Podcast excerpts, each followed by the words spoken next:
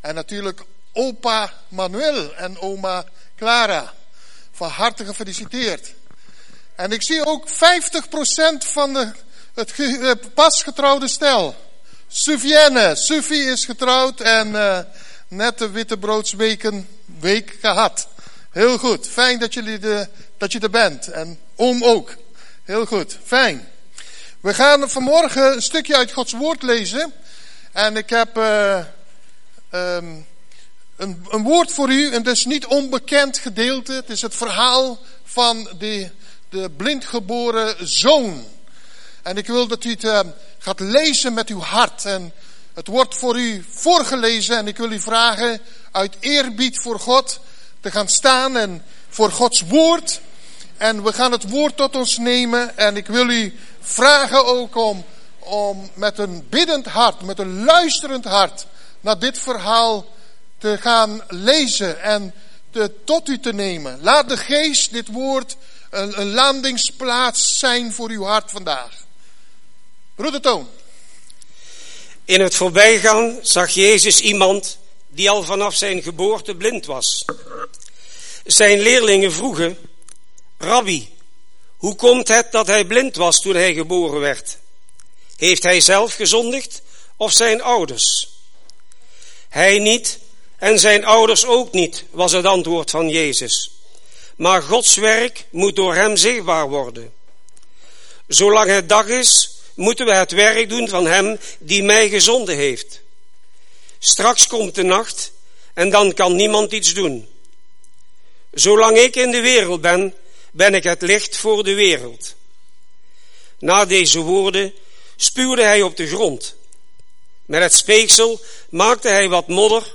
Hij streek die op de ogen van de blinde en zei tegen hem, Ga naar het badhuis van Siloam en was u daar. Siloam is in onze taal gezondene. De man ging weg, waste zich en toen hij terugkwam kon hij zien. Zijn buren en de mensen die hem kenden als bedelaar zeiden, is dat niet de man die altijd zat te bedelen? De een zei, ja, die is het. En de ander, nee, maar hij lijkt er wel op. De man zelf zei, ik ben het echt. Toen vroegen ze, hoe zijn je ogen opengegaan? Hij zei, iemand die Jezus heet, maakte wat modder, streek die op mijn ogen en zei, ga naar Siloam om u te wassen. Ik ging erheen en toen ik me gewassen had, kon ik zien. Ze vroegen, waar is die man? Dat weet ik niet, zei hij.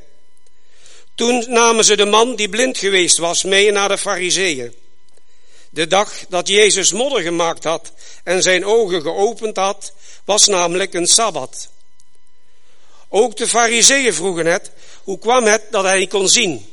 En weer vertelde hij, hij heeft wat modder op mijn ogen gedaan, ik heb me gewassen en nu kan ik zien.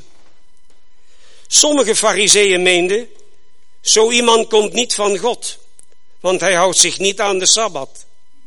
Maar anderen zeiden, hoe zou een zondig mens zulke wondertekenen kunnen doen? Er ontstond verdeeldheid. Daarop vroegen ze aan de blinde, wat denk jij van die man? Het zijn immers jouw ogen die hij genezen heeft. Hij is een profeet, was zijn antwoord. Maar de Joden wilden niet geloven dat hij blind geweest was en nu kon zien. Ze riepen zijn ouders en vroegen hun, is dat uw zoon die blind geboren zou zijn? Hoe kan hij dan nu zien? Dit is onze zoon, zeiden zijn ouders. En hij is blind geboren, dat weten we zeker. Maar hoe hij nu kan zien, dat weten we niet. En wie zijn ogen geopend heeft, weten we ook niet.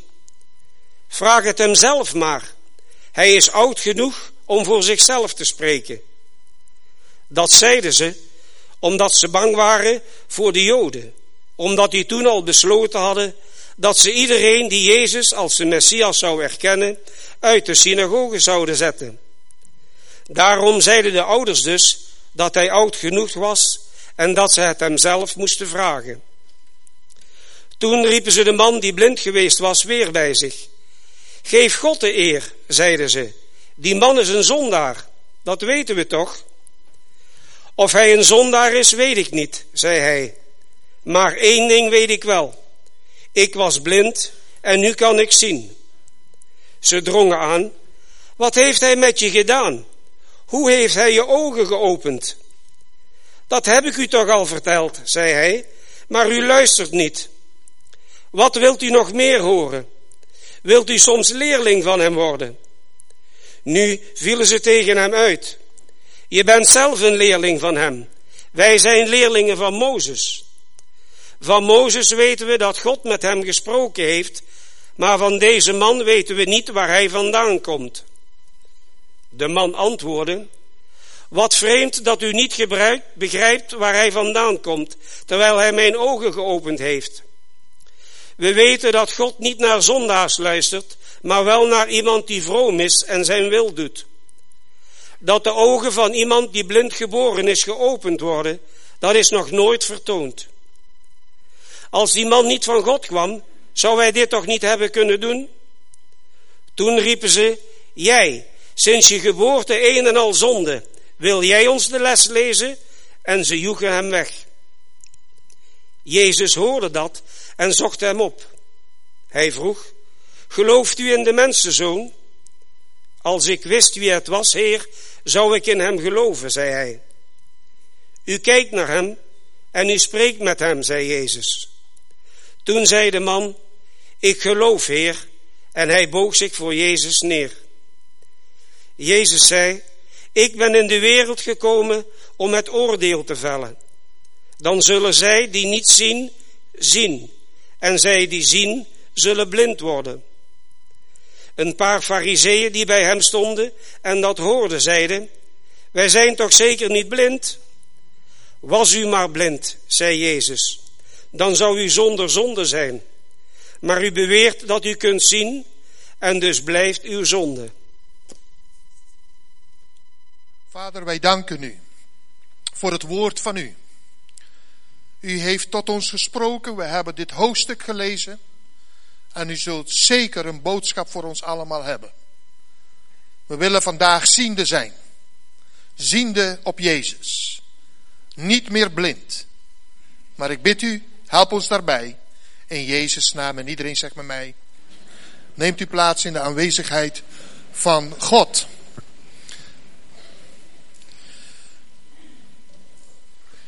de blindgeborene. Een prenataal geboorte. Voordat hij geboren was, was deze man al blind. Zijn ogen functioneerden al niet toen hij in de moederschoot was. De Bijbel geeft aan dat hij zo geboren is. En dat moet u meenemen vandaag in, dit, in deze prediking, in dit, deze overdenking. Zeer uitvoerig doet Johannes in hoofdstuk 9 verslag van dit verhaal. Er zijn geen enkel ander verhaal in het Nieuwe Testament dat zo'n heel hoofdstuk met 41 versen gaat over een genezing van een zieke. Ik zal u ook laten zien, ook in dit gedeelte, wat er sprake, wat, wat, wat er sprake is waar we van kunnen leren waarom Jezus dit, deze stappen heeft ondernomen. Want er zijn een paar stappen die je niet begrijpt en die niet in de lijn staat met hoe hij altijd zich openbaarde. Want het feit is dat Jezus zich niet laat klemmen of in een doosje plaatst en hij allemaal boksen heeft, allemaal dozen, methodes heeft. Jezus denkt out of the box. En hij wil ook vandaag ons laten zien dat hij voor de zoveelste keer uitgerekend op Shabbat, op Sabbat, een wonder doet. Uitgerekend. Hij had de maandag voor, hij had de dinsdag voor, hij had de woensdag voor. Hij had zelfs de donderdag voor. Hij had de vrijdag de hele dag voor, tot zonsondergang. Maar hij deed het uitgerekend op Shabbat. Net als die man waar we laatst over gehad hebben, dat hij um, ook genezen werd, die in het water um, moest springen. Maar hij kon niet, 38 jaar ziek. Jezus loopt al die zieken voorbij en hij spreekt hem aan. Ik wil u ook iets zeggen vandaag over Siloam. En dat gaat u meekrijgen. Ik wil wat foto's laten zien over wat Siloam is. Want we komen Siloam tegen in dit hoofdstuk in vers 4 en 5. En er zullen een paar foto's getoond worden, dus dat komt zo meteen erop. Wat wel belangrijk is, is dat de Heer Jezus spreekt met een, een blinde man die in de openbaring van Jezus zijn goddelijkheid ziet. Maar hij is blind, hij begint te zien, maar de fariseeën worden steeds blinder. Naarmate Jezus spreekt over zijn genezing van zijn ogen, worden de fariseeën steeds harder. Vier keer hebben ze een gesprek gehad, als je dit hoofdstuk goed analyseert. Vier keer hebben ze een gesprek gehad met deze blindgeborene. Om hem echt aan de tand te voelen. Dit is het bad van Siloam, wat u hier ziet. Het is natuurlijk niet meer in gebruik, maar dit is al in gebruik in de tijd van koning Hiskia. Is het gemaakt in kronieken kun je dat lezen, dat dit al gemaakt was in die periode. De volgende, alstublieft. Er zijn een paar foto's die van eh, verschillende invalshoeken gezien kunnen worden. Zo zag het eruit en die trappen kun je ook zien dat je zo in het bad kon inlopen. Het is niet meer waterdicht, uh, maar gelukkig hebben ze dit kunnen behouden. Hier heb je het van dichtbij. Dan zie je dus die trappen waar ze in het water gingen. En dat werd gebouwd al in de tijd van koning Hiskia, zoals gezegd. De volgende alstublieft. Dit is niet het bad van Siloam. Dit is het einde van de tunnel van Hiskia, koning Hiskia. In die periode al hebben ze de Siloam gemaakt. Maar hier komt het water dus dat ze onder die tunnel hebben gemaakt voor watertoevoer. Want zonder water valt er niet te leven. Je kunt niet leven zonder water. En dit is uiteindelijk, de, uit het tunnel van Hiskia kwam dit water. En die vulde onder andere het bad van Siloam. Dat kunt u zien. Geweldig. Mooie foto's. En verschillende mensen hebben daar ook in gelopen. Dat waren de foto's. Wat ik u vanmorgen wil vertellen is dat de Heer Jezus een blinde man tegenkwam. En de mensen, de fariseeën, maar ook de discipelen begonnen Jezus de vraag te stellen. Wie heeft gezondigd? Hij? Die blindgeborene? Zijn ouders? Andere mensen? Wie?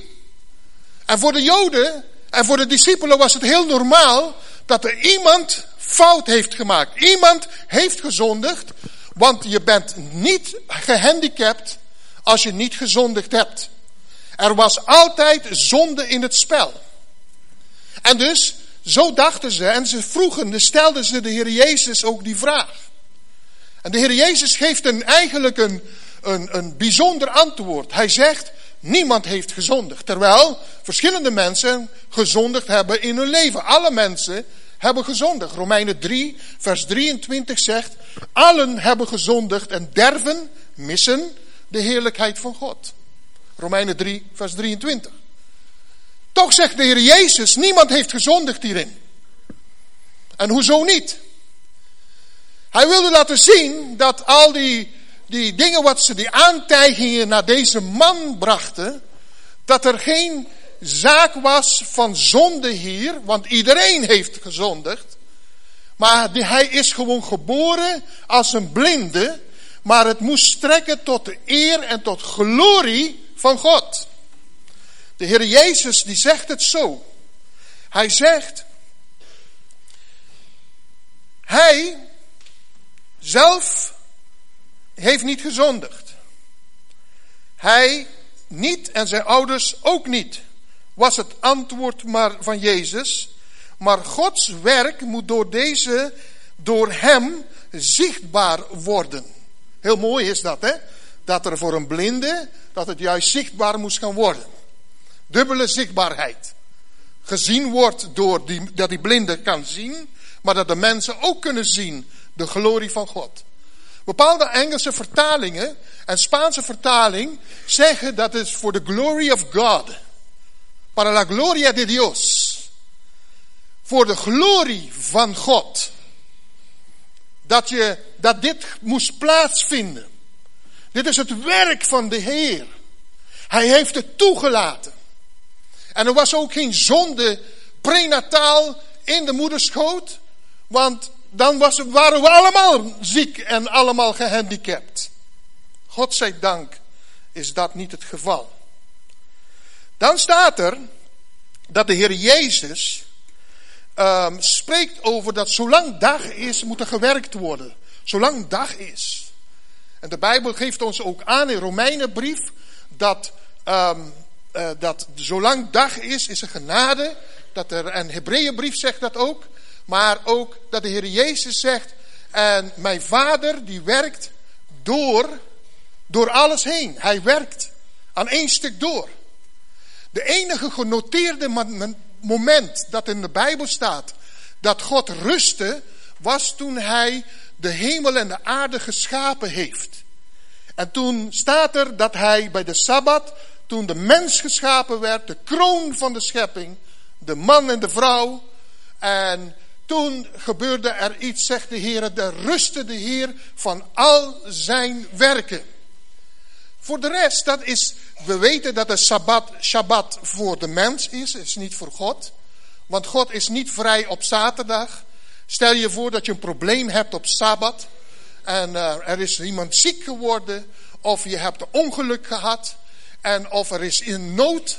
En dat je gaat zeggen, oh Heer, het is Sabbat, ik moet bidden. Ik moet gaan bidden. Maar God zegt, sorry, kantoor is gesloten. Het is pas open zondagochtend. Gelukkig niet. De Sabbat is niet voor de God, de Sabbat is voor de mens. Maar wat er staat, is geschreven, wat staat geschreven is, is dat de Heer um, de enige moment in de hele Bijbel, van Genesis 1 tot Openbaring 22, lees je dat de Heer alleen maar op één dag rustte.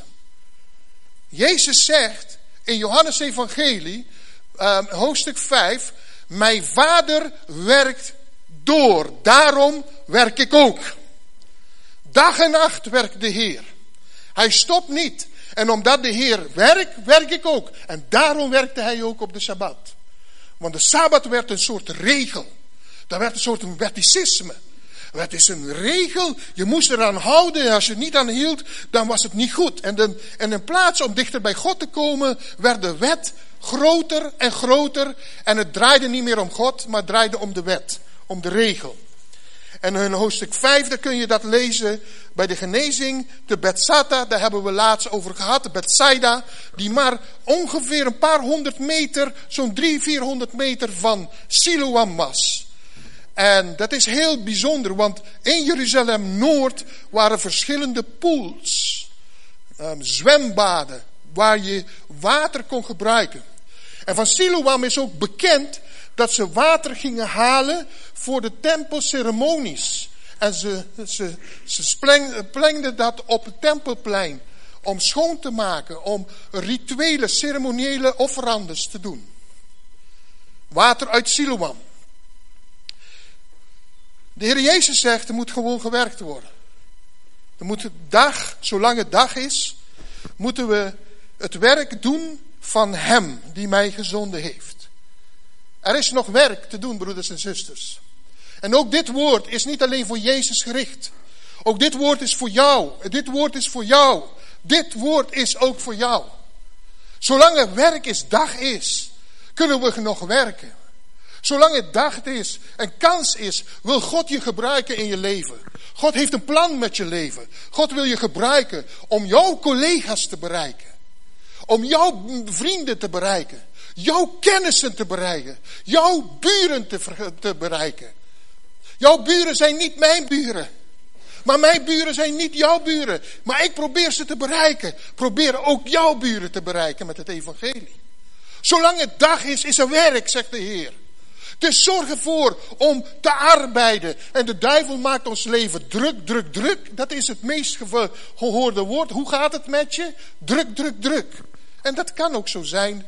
En mensen hebben het ook druk. En ik wil het niet bagatelliseren. Het is gewoon soms ook zo. Het leven is gewoon zo druk. We moeten prioriteiten wel stellen. willen voor de Heer leven. En dat is belangrijk, dat de Heer Jezus zegt, er is werk te doen. En voor degene die mij gezonden heeft. Straks komt de nacht. En dan kan niemand iets doen. Dat zegt de Heer Jezus. Als er nacht is, gaat de deur dicht. En dan is het over. En dan kan niemand meer iets doen. En degenen die gered zijn, gered. En degenen die verloren zijn, zijn verloren. En het is net als bij de ark van Noach. Ze hadden heel veel tijd. Jaren en jaren. Exact de tijd hoe lang uh, hij de ark heeft gemaakt. Uh, dat kun je tellen in de jaren toen God het gezegd heeft. En toen de jaren dat uh, God het toen heeft aangegeven. Van nu gaat het poort dicht en begint het te regenen. De deur dicht. En hoeveel jaren het ook zou zijn geweest, tientallen jaren, dat is niet interessant. Maar interessant is dat de deur dicht ging. En God zelf deed die deur dicht. En toen God die deur dicht heeft gemaakt, toen was het nacht voor de mensen die achter zijn gebleven. Ze hebben niet geluisterd, maar toen was het te laat. En toen kwam het oordeel van God en toen kwam de regen. En toen kwam het water ging steeds omhoog en de mensen begonnen te schreeuwen. En te slaan op de deur bij Noach. Doe open, doe open alstublieft. Ja, als je kijkt in Matthäus 24, waar Jezus spreekt over Noach, dan spreekt hij over geen enkele zonde. Maar hij spreekt alleen de mensen waren druk met, met, met eten, met drinken, met feestvieren. Ze waren druk met allerlei goede dingen. Maar ze hadden God niet meer in het vizier. En uiteindelijk stierven ze. En verdronken ze door het oordeel van God. En ook de tweede Noach gaat eraan komen. De tweede, de tweede ark des verbonds van Noach. De ark, niet des verbonds, maar de grote ark, de boot. Ook die ark gaat op een dag sluiten. En dat de genadetijd is nu. Dat is een tijd dat mensen kunnen horen en luisteren naar de boodschap van Jezus. Daarom is het belangrijk, lieve mensen, vertel de mensen van de Heer Jezus. Misschien is het moeilijk. Misschien vind je het lastig. Misschien vind je het moeilijk om mensen te getuigen van de liefde van God. Maar vertel wat God gedaan heeft in jouw leven. Wat Hij betekend heeft in jouw leven. Wat Hij voor, voor een wonder gedaan heeft. Dat Hij jou blijdschap en rust en vrede gegeven heeft. Vertel over de grootheid van God. Wat Hij gedaan heeft in jouw leven. Dat kan niemand weghalen. Want dat is jouw ervaring. En toen God die deur dicht deed bij het ark van Noach, stierven alle mensen, behalve acht personen. Noach met zijn vrouw, zijn drie zonen, Sem, Gam en Jafet en hun vrouwen. En that's it. Heleboel mensen, wereldwijd, zijn gestorven. Jezus spreekt over een oordeel dat komen gaat. Het is nog dag. Waarvoor leef je eigenlijk? Kun je uitdagen? Kun je uitdagen dat je leeft voor de Heer? Niet voor mij, maar voor de Heer. Dat je leeft tot zijn eer en tot zijn glorie. Dat je hebt verteld aan collega's, vrienden, kennissen. Dat Jezus Christus Heer is. Neem ze gewoon naar de kerk mee. Vertel ze van de Heer. En ik weet dat mensen dat niet altijd willen accepteren. Maar laat ze zien wat God voor jou betekend heeft. En toen de Heer Jezus zei, het is nog dag, het kan gewerkt worden. En het gaat nacht worden. En dan kan niet meer iets gedaan worden. Toen de Heer dat zei, na deze woorden. Na deze woorden. Zei de Heer, hij spuugde. En sorry voor dit. Maar de Heer deed hij spuwde op de grond. En de Bijbel, die zegt, met het speeksel maakte hij wat modder in de grond, met het zand. En de Bijbel vertelt, hij streek die op de ogen van de blinden. Dus de Heer Jezus raakte deze blinde aan met met speeksel en modder op zijn oog. Dat is niet de manier van hoe je genezen moet worden. Maar de Heer Jezus wilde hier een les leren. Hij wilde die blinde man een les leren voor degenen die eromheen stonden. En voor ons na 2019 jaar, om zo te zeggen, sinds zijn geboorte ongeveer. Dat de Heer Jezus ons hier een les mee, mee wil geven. De Bijbel vertelt ons hier dat toen de Heer Jezus hem aanraakte, dat er iets niet gebeurde. Er gebeurde geen genezing. Bij alle andere zieken in het Nieuwe Testament, waar de Heer Jezus sprak of aanraakte, werd er terstond ter plekke genezen. Zelfs in hoofdstuk 5 van Johannes, de Bethsata, Bethesda. Daar genas die man van 38 jaar. En hij stond op en hij pakte zijn, zijn draagbed. En in plaats dat zijn draagbed hem droeg, zoals 38 laatste 38 jaar in zijn leven, zo droeg de man het nu. Voor het eerst, zou je haast kunnen zeggen. Maar hier, hier is die man niet terstond genezen. De Heer zegt tegen hem, ga naar Siloam. Siloam is ongeveer zo van de tempelplein, want als de Heer Jezus was in de tempelplein geweest, op de tempel, het huis van God, lees kerk. De Heer Jezus is naar de tempel geweest en hij liep langs deze mensen. En buiten vaak zaten mensen die melaats waren, ziek, of, uh, ziek waren, gehandicapt waren. Voor welke andere ziekte dan ook zaten daar. En vaak zaten ze ook te bedelen om wat geld, om wat eten te kopen, te drinken te kopen. En de Bijbel vertelt ons hier een verhaal dat de Heer Jezus deze man aanraakte met dus modder. En van het tempelplein, van hangt vanaf waar je bent, naar Siloam is ongeveer een meter of vier, vijfhonderd. De Heer Jezus zegt tegen hem, ga naar Siloam. Er staat niet geschreven of er mensen mee moesten. Discipelen van pak hem bij de arm en breng hem, leid hem naar Siloam toe. Er staat ook niet geschreven dat familieleden of vrienden van die man hem meenamen naar, naar Siloam toe. Dat staat er niet. Ik kan er niet van uitgaan. Ik kan misschien zeggen, het is wel gebeurd. Maar wellicht is het ook niet gebeurd. Het enige wat ik kan zeggen, is wat de Bijbel hier aangeeft. Al het andere is inlegkunde. En wij zijn heel goed in inlegkunde, maar we moeten goed zijn in exegese, in uitlegkunde. Wat er staat, moeten we uitleggen. Niet wat er niet staat, inleggen. Dat doen we Gods woord niet goed aan. En God is daar heel erg streng over. De Heer Jezus, die zegt tegen hem, ga naar het badhuis van Siloam en was u daar. En u heeft het net gezien, Siloam op de foto. Ga daar naartoe. En was dat uit je oog. En laten we veronderstellen dat deze man geen persoon had, iemand had om hem mee te nemen, te begeleiden naar Siloam. Dat was moeilijk geweest. Ik wil u vragen, ga geen gekke dingen doen. Ik wil u vragen, daar waar u zit, staat, dat u even uw ogen dicht doet. Doe uw ogen dicht. Dit is gewoon een test. Gewoon uw ogen oprecht dicht doen.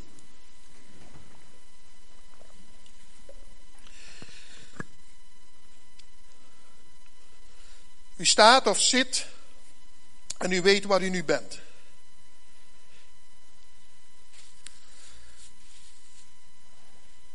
Gestel dat u met de fiets of met de auto bent gekomen of met de bus. Dan vraag ik u om naar je fiets of in je auto naar de bushalte toe te lopen. En dat je uit de banken gaat en dat je naar je geparkeerde vervoersmiddel gaat en dat je daarin gaat zitten. Dat betekent dus dat je hier uit de deur moet lopen, al tastend de trappen naar beneden of het oprit naar beneden lopen, tastend naar links of naar rechts bij de poort om richting je vervoersmiddel te gaan en al tastende je auto ook te vinden. Doe je ogen maar open. Lastig, hè? Lastig. Je ziet niks. Je hebt geen visualiteit. Je hebt geen zicht. alles wat je hebt, alles wat je dan bezit, je mooie kleding of een gespierd lichaam of je hebt um, al je bezit, is besmet met je, met je zicht, met je blindheid.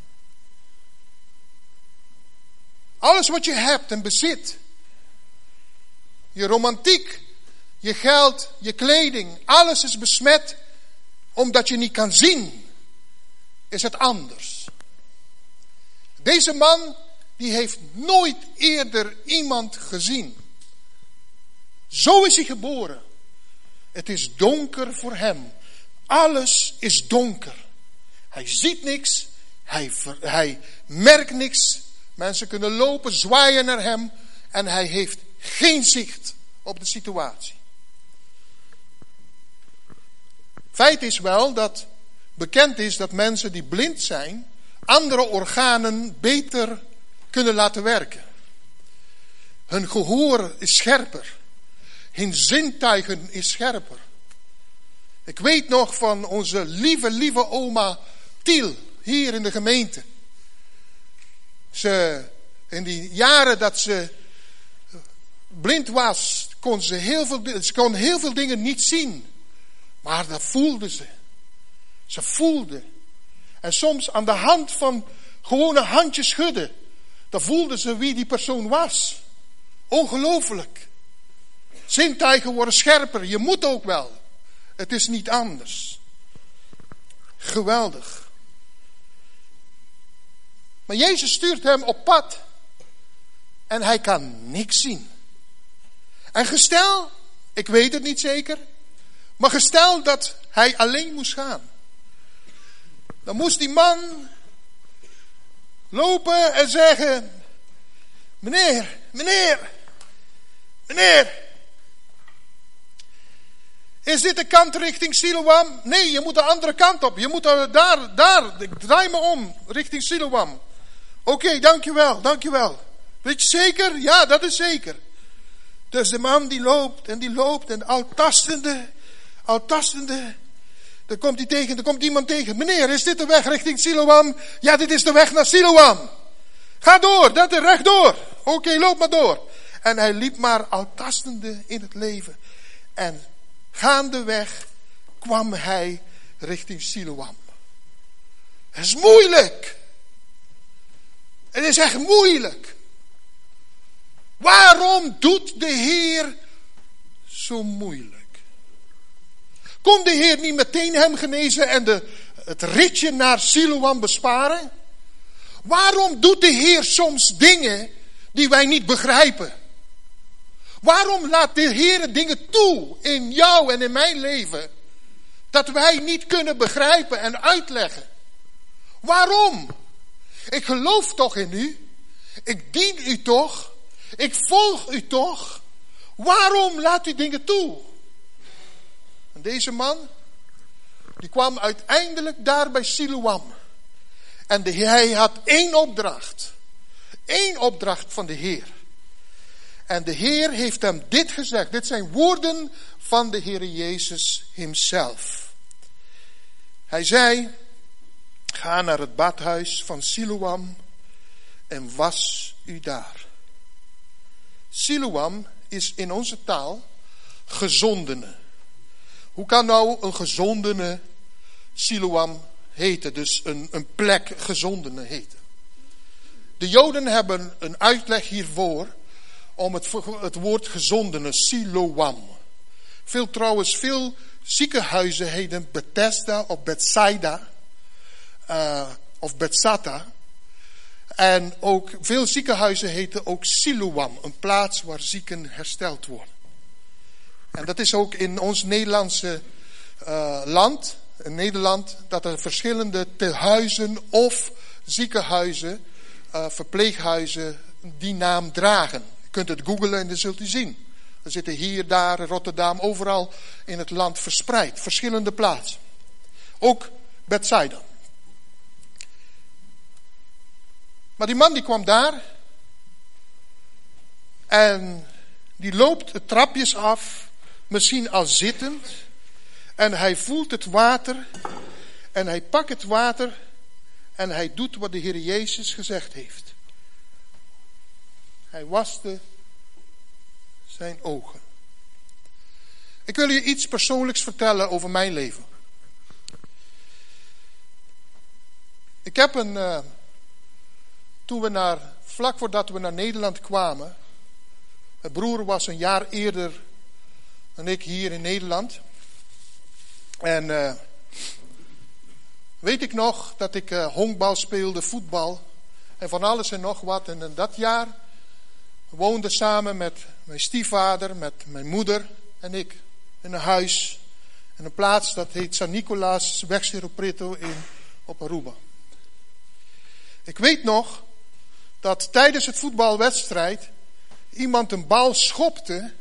En die bal kwam en denk niet zoals wij hier hebben, uh, grasmat en, prachtige, uh, prachtige plaatsen. Nee, het is allemaal zand en op het zand, het is wel egaal, maar op het zand kun je voetballen. Dus die man die schopte die bal en die bal kwam met bal en zand en stof richting mijn ogen. En die sloeg zo hard tegen mijn hoofd. Tegen mijn hoofd hier en de bal ging ook nog in de goal. En dat was niet omdat ik zo goed was. Misschien wel, wie weet. Nee. Nee. Maar die bal kwam zo hard naar, tegen mijn hoofd dat ik gewoon dizzy van werd. En in de hete zon, we gingen daar twee uur, drie uur middag spelen. En het is 35 graden, hete zon.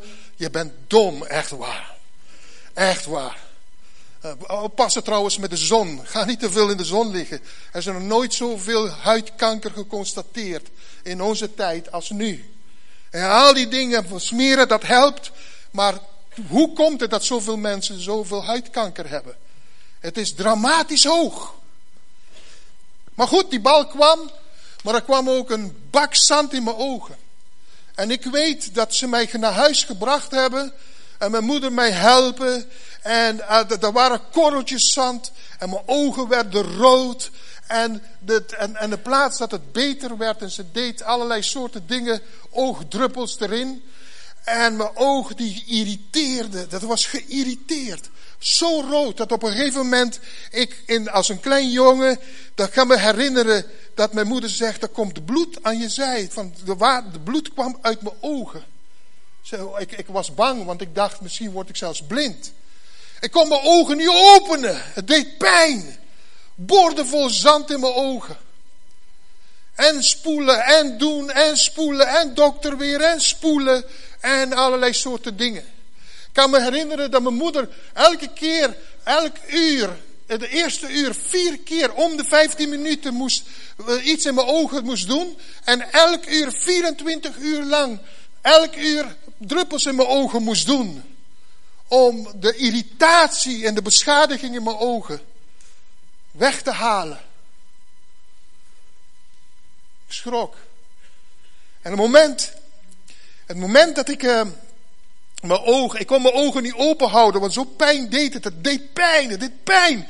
En je bent een kleine jongen, dat, dat begrijp je niet allemaal. En het deed zoveel pijn. En het moment dat, dat mijn moeder zei, doe je ogen open om, om, om de druppel, dat kon ik niet openmaken. En, en op een gegeven moment deed ik mijn ogen open en ik zag het licht en het deed zo pijn.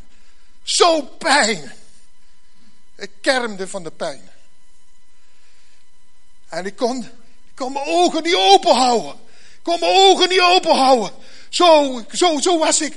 En toen dacht ik, ik word toch niet blind, hè? Ik word niet, toch niet blind. Het deed pijn. Ik kon me inleven in deze man. Toen ik dit hoofdstuk weer las. Want die man, die werd met spuug en modder, speeksel en modder, deed de Heer Jezus iets op zijn oog. En de Heer Jezus, voor het eerst geneest hij hem niet ter plekke, maar geeft hem een opdracht om een paar honderd meter daar vandaan naar Siloam te lopen. Naar dat bad, naar dat poel. En hij moest zijn ogen wassen. En toen hij zijn ogen afgewassen had en de modder weghaalde uit zijn ogen, deed hij zijn ogen open. De Bijbel zegt, hij kon zien. Wij weten iets van deze man. We weten dat deze man blind was zijn hele leven en voor het eerst ziet hij. De man ging weg, waste zich en toen hij nog terugkwam, kon hij zien. Let op wat we lezen. Hè? Bij het schoonwassen van zijn ogen was hij nog niet ziende. Maar pas toen hij terugkwam naar de plaats waar hij vandaan kwam, kon hij zien. Wij zijn hopelijk niet blind met onze ogen. Maar soms heb je blindheid in je leven, verblindheid, dingen die je niet ziet. Soms heb je problemen met je leven, met je karakter, met je zijn, met je wezen, hoe je bent en hoe je gedraagt. Soms heb je moeite met mensen. En soms zijn we verblind voor zaken. En zien we niet goed. Maar God is nog steeds dezelfde. En hij stuurt ons op pad om ziende te worden. Want die Heer die wij dienen, is een God die dingen laat zien. Maar voordat deze man ging zien, gebeurden een paar dingen. Hij hoorde het woord van Jezus. Hij hoorde, hij luisterde. Daarom staat er geschreven ook in de Bijbel, in Openbaring hoofdstuk 2 en 3, die zeven gemeenten, Smyrna, Laodicea, Philadelphia, Efeze, dat wie mijn woord hoort en ze doet. Je moet het horen. Wij, wij wandelen niet door wat we zien, maar wat, waar, we, waar we horen. En door het horen is geloof gekomen in het hart van deze man. En hij is op pad gegaan. Hij had niets te verliezen. En hij werd zichtbaar. Hij werd ziende. Zijn ogen openden zich. Ik wil je vandaag uitdagen om je ogen open te openen. Laat de Heer modder op je ogen strijken. Laat de Heer je zegenen. Ik heb tot slot vier dingen voor je. Vier stappen, heel belangrijke stappen, die je zomaar terug kan vinden in dit gedeelte. Want je hebt niets nodig van wat je vroeger verloren hebt om je nu te zegenen. Je hebt datgene nodig wat Jezus voor je nu heeft. Stap 1 is, ook al zie je niet helder, ga af op wat je hoort van God. Ook al begrijp je dingen niet in je leven, ook zijn de dingen niet logisch in je leven, ook al zijn de dingen niet begrijpelijk nu voor jou, luister naar het woord van God, gehoorzaam zijn woord, dien hem, volg hem en hij zal je zegenen. Ga af op wat je hoort van het woord van God. Die blinde, die moest gaan doen wat Jezus tegen hem gezegd had. Had hij dat niet gedaan, was hij nog altijd bij wijze van spreken blind geweest. Tweede is, elke stap die je maakt is een zegen. Die man moest wandelen. En stel, gestel dat niemand hem hielp, ook al zou iemand hem helpen, hij moest een stap maken. En elke stap bracht hem dichterbij zijn badplaats, zijn siloam. Hij moest stapje voor stapje nemen om dichter bij zijn genezing te komen.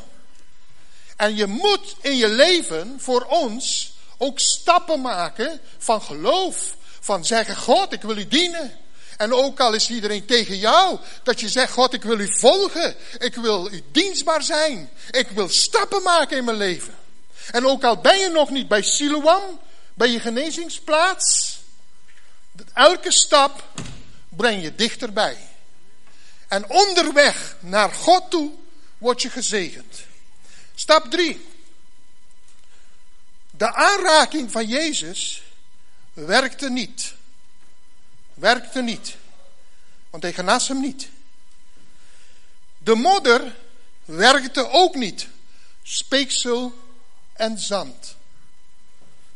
Zelfs de aanwezigheid van Jezus werkte niet voor die man dat hij op dat moment zichtbaar werd.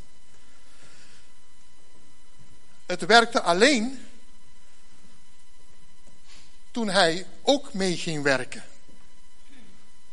Wil je zegen en ervaring in je leven? Werk mee met God. Wil je zegen zien van God in je leven?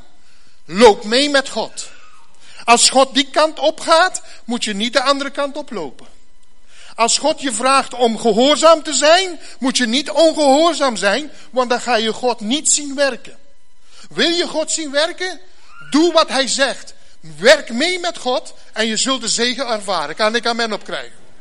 En de vierde stap is, ga altijd naar iets groter dan jezelf. Zoveel mensen zijn zo vol van zichzelf. Hier in Maranatenkerk gelukkig niet. Maar zoveel mensen zijn zo groot van zichzelf. Ze vinden zichzelf zo geweldig. Het is allemaal op orde. Ze hebben alles netjes in hun leven, met hun werk, met hun geld, met hun gezin, met hun auto's, met alles, alles, alles. Alles is keurig en het loopt prima met de kids. Het gaat allemaal zoals ze het gewild hadden. En zelfs de school van de kinderen is goed gegaan. Ze hebben een goede job enzovoort. Sommige mensen zijn zo vol van zichzelf. Maar als je vol bent van jezelf, van jezelf, gaat het niet werken in je leven. Je zult naar een grotere plaats moeten gaan. Groter dan jezelf. En Siloam is een groot bad. En daar konden heel veel mensen tegelijk in. Het werd gemaakt voor soldaten ook. Om verfrissing te krijgen. Maar soms moet je naar een grotere plaats zijn. En nu gaat het niet om dat we naar een grotere plek moeten gaan. Maar we moeten naar een grotere God gaan. Want onze God is de enige God. Er is geen andere God. Hemel en aarde heeft hij geschapen. En weet je wat er staat? Gisteren heb ik op de bidstond gelezen met de broeders en zusters toen we daar aan het bidden waren. En Genesis hoofdstuk 2, vers 4 staat. Dit is de geschiedenis van de hemel en de aarde. Zo ontstonden ze, zo werden ze geschapen. En hoe werden ze geschapen? Ze werden, zo werden de hemel en de aarde in al hun rijkdom voltooid door God. Wil je oplossing in je leven? Ga groter denken van God. Want God is groter dan onze nood. God is altijd groter dan jouw probleem. God is altijd groter dan je zorgen. God is altijd groter dan je ziekte. God is groter dan blindheid. Hij maakt blinden, geeft hij weer zicht. Halleluja. Zullen we gaan opstaan. En deze grote God aanbidden en prijzen. Halleluja. Dank u Jezus. Heer, ik wil u danken. Ik wil u loven en prijzen. Ik wil u aanbidden deze morgen. Ik wil u zeggen, Heer, u bent de grote God. U bent de God van wonderen. U bent dezelfde vandaag. U bent dezelfde gisteren tot in alle eeuwigheid dezelfde. Halleluja.